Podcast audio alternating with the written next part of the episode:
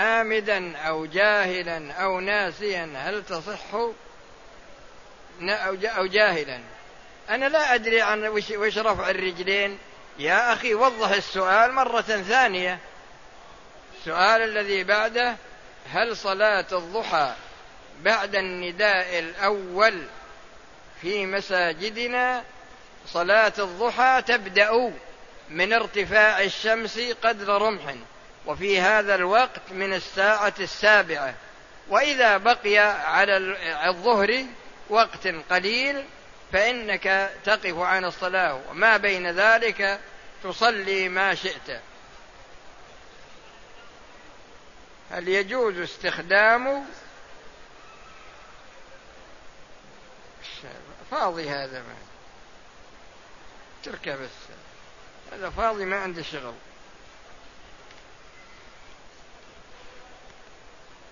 إذا اعتمر شخص ولكنه طاف وسعى وهو شاكك هذه كتابته. في كتاب وهو شاكك في طافه وساعه أي أنه لا يدري ستة أو سبعة ولكن لا يبني على الأقل جهلا وذهب وخلع ملابس الإحرام ناسيا قبل حلق رأسه وهذا قبل ثمانية أيام. فخلال هذه الأيام لم يتطيب ولم يراد يجامع ولكنه لبس المخيط. فماذا عليه؟ ولا يزال محرما ولا يزال محرما. وعليه أن يأتي ويطوف طواف كامل سبعة ويسعى سبعة ويحلق أو يقصر. أما المحظورات التي فعلها فكل محظور عليه فدية.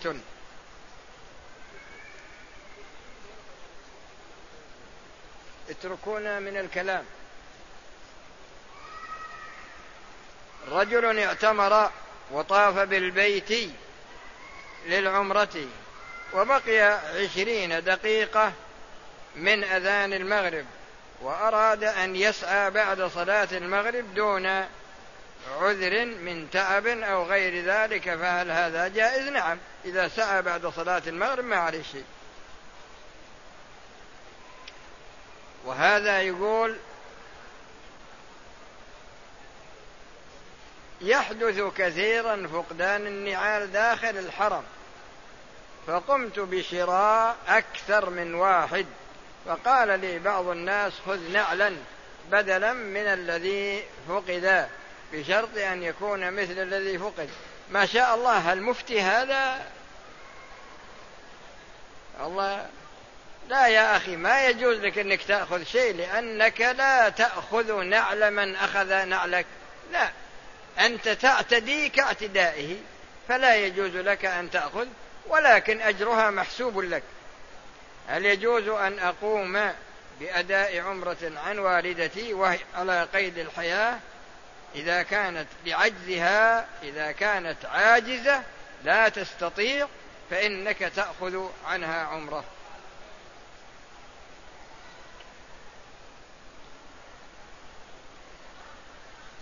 إمامنا في صلاة الفجر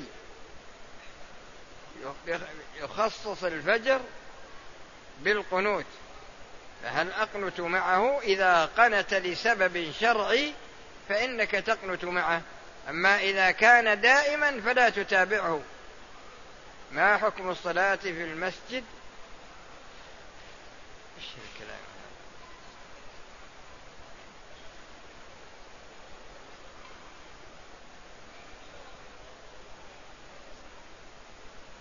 يقول هل يجوز أن يباشر الرجل زوجته في نهار رمضان علما أنه بأنه شاب. يا أخي يكفيك الليل. الليل طول النهار. وجميع ما تريد أن تعمله في النهار اعمله في الليل. لكن الشيطان هو الذي يغويك على أن تستمتع بها نهارا. فلا يجوز لك ذلك. وإذا صار عاد شاب؟ إذا صار شاب يعني يكون عذرا له؟ إذا كنت أعمل مع أخي في إطعام الصائمين من بداية الصيام هل إذا دخلت الاعتكاف أساعد أخي في هذا العمل أم أجلس؟ لا. إذا إذا دخلت المعتكف فلا تشتغل في شغل عن الاعتكاف اشتغل في قراءة القرآن.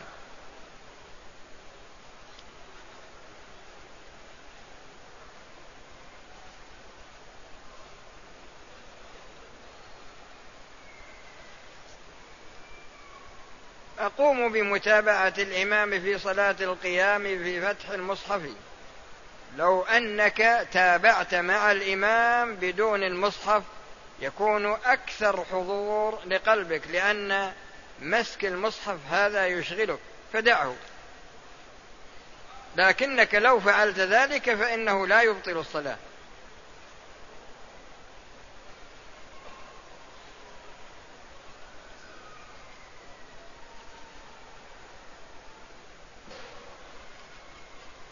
قدمت للعمرة وقد وضعت عطرا على الإحرام ولم أكن أعلم. إذا كنت جاهلا فليس عليك شيء.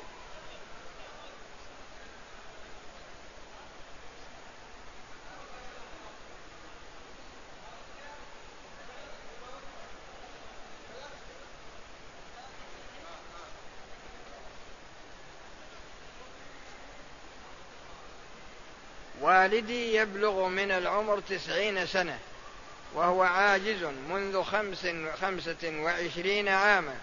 وقد أديت عن نفسي العمرة فهل يصح أن أعمل عمرة له وأهب ثوابها له؟ نعم لكنك تخبره. إذا كان حيا فإنك تخبره قبل أن تأتي بالعمرة.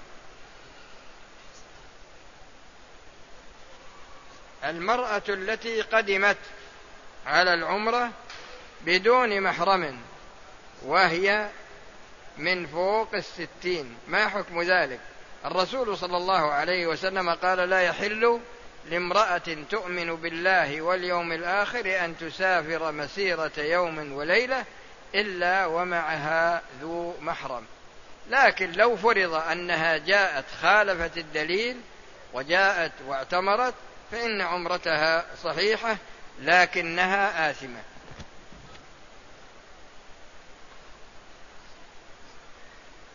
أود أن أعمل عمرة عن والدي المتوفى. فهل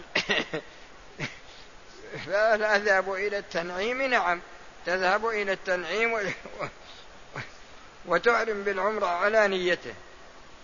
رجل سافر بعيدا عن زوجته منذ فترة ليست بطويلة ولكنه يشتهيها الآن بشدة وهو لا ينظر إلى الحرام ولا يريد أن يقع في الفاحشة. فهل يجوز له الاستم... الاستمناء؟ لا يا أخي لا يجوز لك ذلك.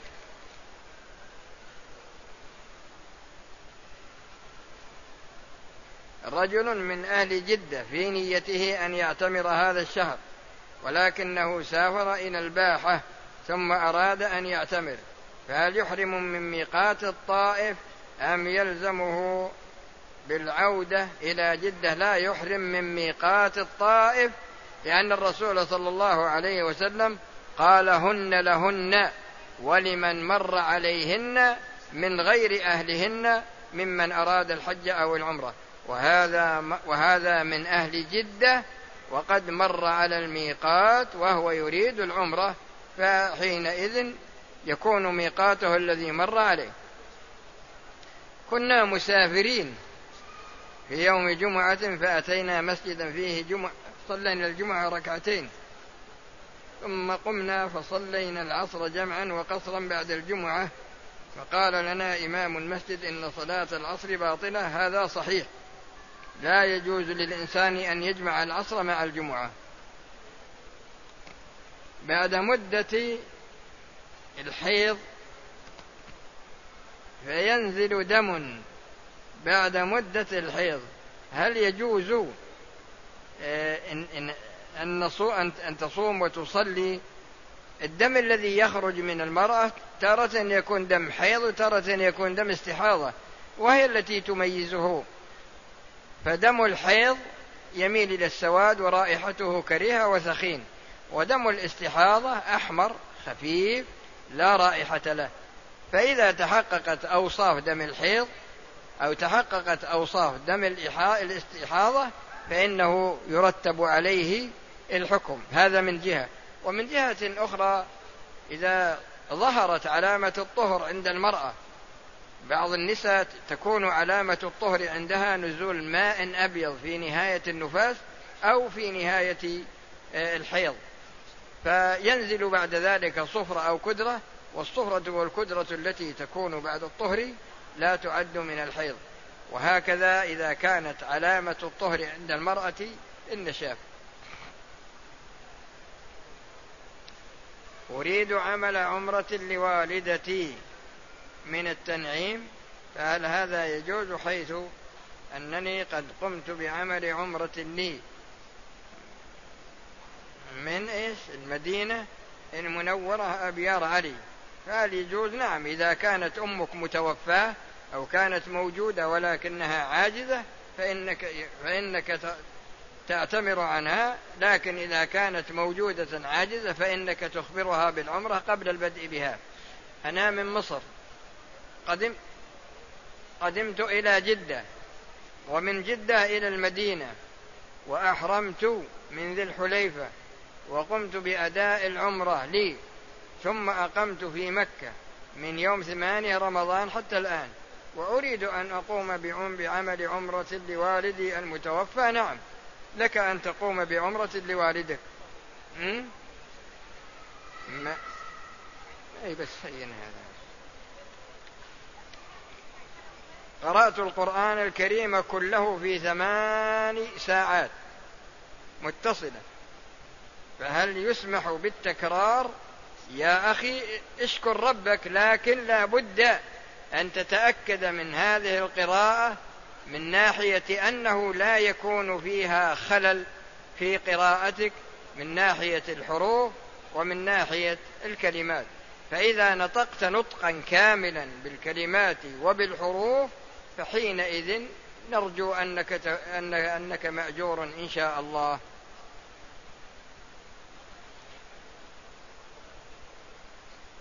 في صلاة الجنازة أن نرفع اليدين نعم ترفع اليدين عند كل تكبيرة. يوجد في جميع اترك هذا. بعض الناس يسأل عن شيء لا يعنيه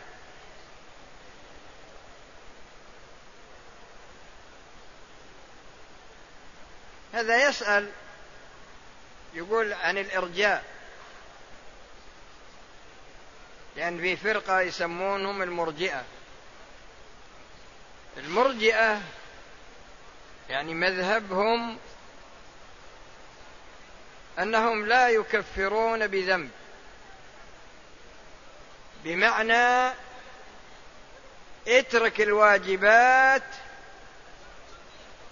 اترك الواجبات وافعل المحرمات ترجو رحمة الله.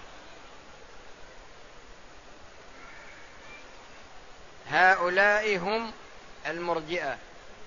يعني لا تصلي لا تصوم لا تزكي لا تحج. افعل الفواحش وأنت ترجو رحمة الله. هذا هذا مذهبهم.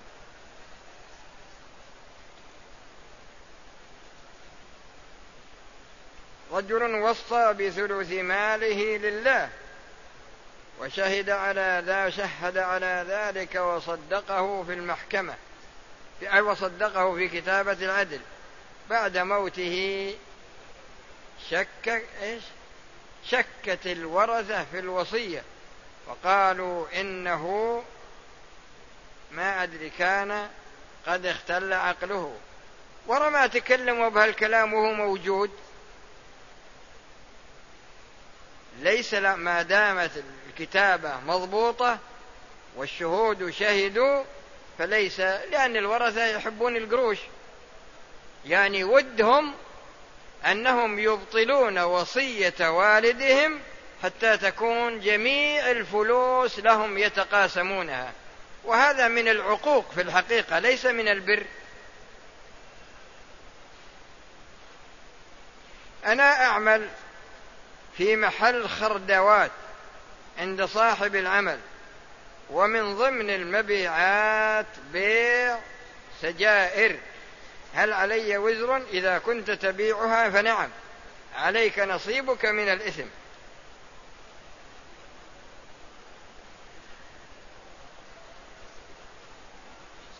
اعتمرت وعلي دم من عمرة قد اعتمرتها بسبب أني لم أحرم من الميقات وقد اعتمرت بعدها عدة عمرات وحججت. لا يا أخي تفي بالدم الذي عليك وتأخر الوفاء لا تأثير له على ما عملته من عمر أو حجج.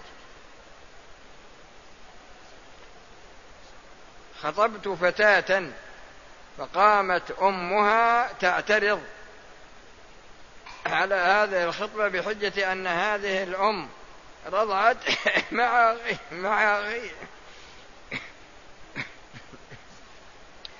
مع أخيه من أبيه هل أصدق هذا الكلام مع العلم أنه مر أكثر من خمسين سنة ولم نعلم بهذا الرضاع؟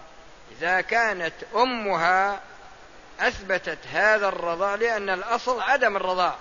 فإذا أثبتت هذا الرضاع وكان في الحولين وكان خمس رضعات فحينئذ يكون هذا الرضاع ثابتا.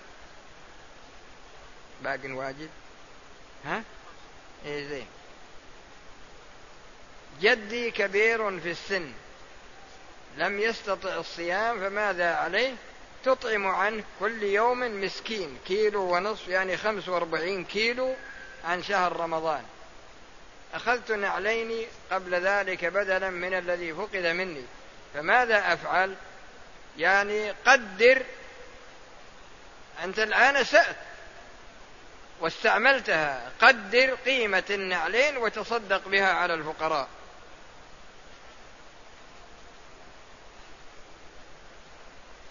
أنا من مصر. هل يجوز لي أن أخرج أن أخرج زكاة الفطر في مكة مع العلم بأنني مسافر بعد العيد. الواجب أن تخرجها في مكة ومقدارها صاع من البر أو من الأرز أو من التمر يعني ثلاثة كيلو تقريبا. إيه بس.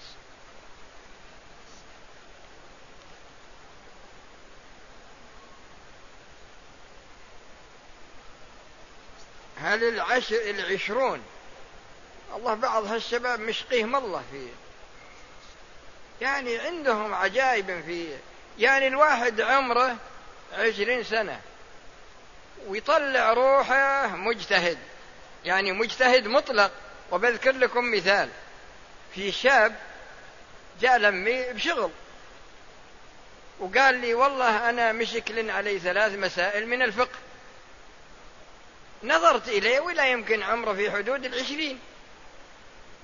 قلت طيب وش الدرجة العلمية التي وصلت إليها؟ قال مع شهادة الكفاءة. قلت الحين معك شهادة الكفاءة ولا أشكل عليك من الفقه إلا ثلاث مسائل. مثل هالسائل هذا يقول هل العشرون الركعة التي جمع عمر رضي الله عنه الصحابة عليها بالشفع والوتر أو غيرهما؟ لا بغيرهما.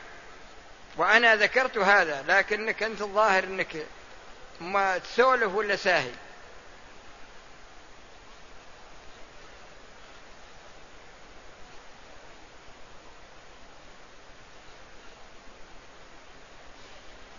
إيه هذا فاضي هذا.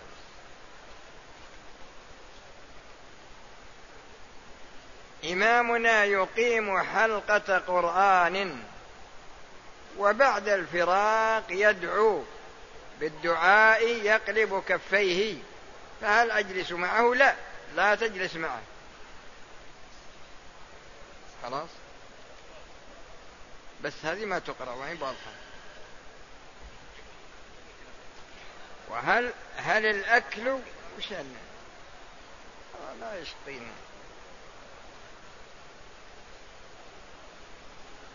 صديق ملتزم.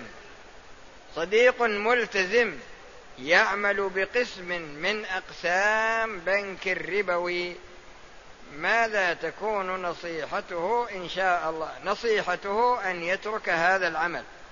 لأن الرسول صلى الله عليه وسلم لعن آكل الربا وموكله وكاتبه وشاهديه وقال هم في الإثم سواء. انتهت؟ وهذا يقول منذ عشر سنوات كنت أعمل في ما أدري في مكة أو وحضرت من تبوك أنا وزوجتي لأداء العمرة وعلى باب الحرام جاءها الحيض جاء الحيض لزوجتي ولم تكمل عمرتها. هذا منذ عشر سنوات؟ إذا كانت اشترطت قالت فإن حبسني حابس فمحلي حيث حبستني وأنت لا تتمكن من البقاء معها فليس عليها شيء. أما إذا كانت ما اشترطت فإنها فإن فإن رجوعكم ليس بصحيح. وبناء على ذلك أنت جامعتها قبل أداء العمرة. وتكون العمرة فاسدة وعليها أن تأتي إلى مكة وتطوف وتسعى وتقص من جميع ضفائرها بقدر أنملة يعني قدر كذا من كل جديلة. وتذبح شاة في مكة توزع على فقراء الحرم ثم تخرج إلى الميقات الذي أحرمت منه للعمرة التي فسدت بالجماع وتأتي بعمرة بدلا عنها. هذا هو الواجب في حقكم. وهكذا بالنظر للمحظورات الأخرى التي فعلتها كل محظور عليها كفارة.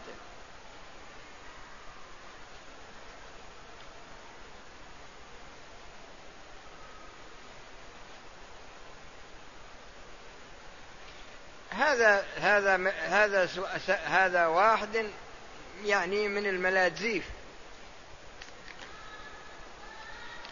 من الملاذيف هذا يسأل يقول إن الإحرام من التنعيم إنما هو خاص بعائشة فقط. خاص بعا... خاص بمثل ما حصل لعائشة فقط. ولكن الرسول صلى الله عليه وسلم معصوم فيما يبلغه عن الله. والأصل في الأحكام سواء كانت من الله أو كانت من الرسول صلى الله عليه وسلم الأصل فيها العموم والخصوص عارض لها. ولهذا في سورة الأحزاب في قصة المرأة التي تزوجها الرسول صلى الله عليه وسلم قال خالصة لك من دون المؤمنين. ولما جاءه رجل قد ضحى بعناق أتى بعناق. يعني ما بلغت السن لأن المعز لا بد من تمام سنة والضأن لا بد من تمام ستة أشهر. فجاء بعناق وقال للرسول أنا ليس عندي إلا هذه العناق. لكن ماذا قال الرسول صلى الله عليه وسلم؟ قال له اذبحها ولن تجزئ عن أحد بعدك. ولن تجزئ عن أحد بعدك. فلما أمر عبد الرحمن بن أبي بكر بالخروج بأخته إلى التنعيم لماذا لم يقل صلى الله عليه وسلم أن هذه القضية خاصة لها فقط أو قال خاصة لها ولأمثالها. سبحوا هل البث سبح سبح. قل سبحان الله. وقع علي حادث حيث صدمت جملا في منطقة صحراوية بخط سريع في الليل. فهل علي شيء من ناحية هذه البهيمة؟ أما بالنظر للإثم فهذا يرجع إلى وضعك. وأما بالنظر للقيمة فعليك قيمة الجمل تدفعها لصاحبها. إن عرفته وإن لم تعرفه فتصدق بقيمته على نية صاحبه. يقول يوجد لي أقارب من النساء وأزواجهم ميسور الحال. ولكن النساء دائما يرغبن أن يكون لديهن شيء من المال. فهل يحق أن أعطيهم من الزكاة؟ لا. إذا, إذا, إذا, إذا لم يكونوا من الفقراء ولا من المساكين لا تعطيهم من الزكاة. أحرمت بالطائرة ولم أخلع النقاب إلا قريبا من مكة. وأنا ناسية ثم تذكرت فخلعته. إذا كنت ناسية وخلعتي فليس عليك شيء. ووالدتي تذكرت وهي تطوف فإذا تذكرت وهي تطوف لا أساسا النقاب ما يجوز لبسه أصلا لأنك جاهلة في لبسه. جاهلة في لبسه وناسية أيضا فليس عليك شيء. وهكذا بالنظر لأمك إذا تذكرت فإنها تزيله وتجعل غشاء غطاء على الوجه. أملك قطعتين من الأرض سكنية ملكتها عن طريق المنح. هل علي إخراج زكاتها؟ إذا كنت تريد بيعها فعليك زكاتها. عن جميع السنوات الماضية. أنا من مصر وحضرت لأداء عمرة فهل يجوز إخراج زكاة الفطر هنا أم أتصل هاتفيا؟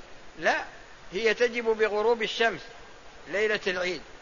فإذا غربت عليك الشمس هنا فأخرجها هنا وإذا غربت عليك الشمس وأنت في مصر فأخرجها في مصر. يعني يمكن سألني أكثر من عشرة من المصريين كلهم يريدون يخرجون زكاة الفطر في مصر. عاهدت الله لكي أعمل صدقة.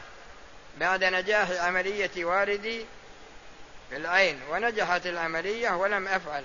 لا يا أخي هذا نذر وعليك أن تتمه. عاهدت الله فعليك أن تتم هذا العهد. جئت من مصر ولم أحرم من الميقات. ثم ذهبت إلى المدينة ولم أمكث فيها إلا وقت الزيارة. ثم جئت إلى مكة المباركة ومكثت فيها يومين. ثم نويت العمرة وأحرمت من التنعيم. لا يا أخي. أنت ميقاتك من أبيار علي. ميقاتك من أبيار علي وقد تجاوزت الميقات وعليك فدية تذبحها في مكة وتوزع على فقراء الحرم. السؤال الثاني.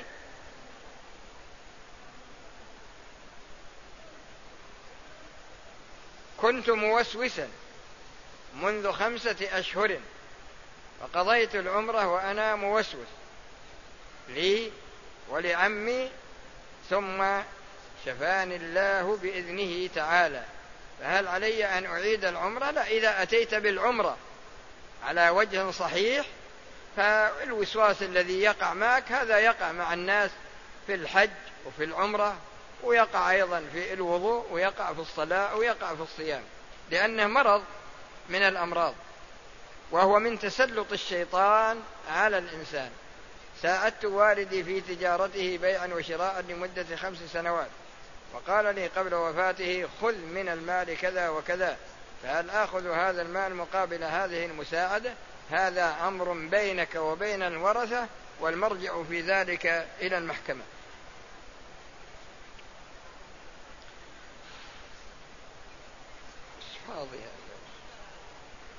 خلاص؟ السلام عليكم ورحمة الله وبركاته.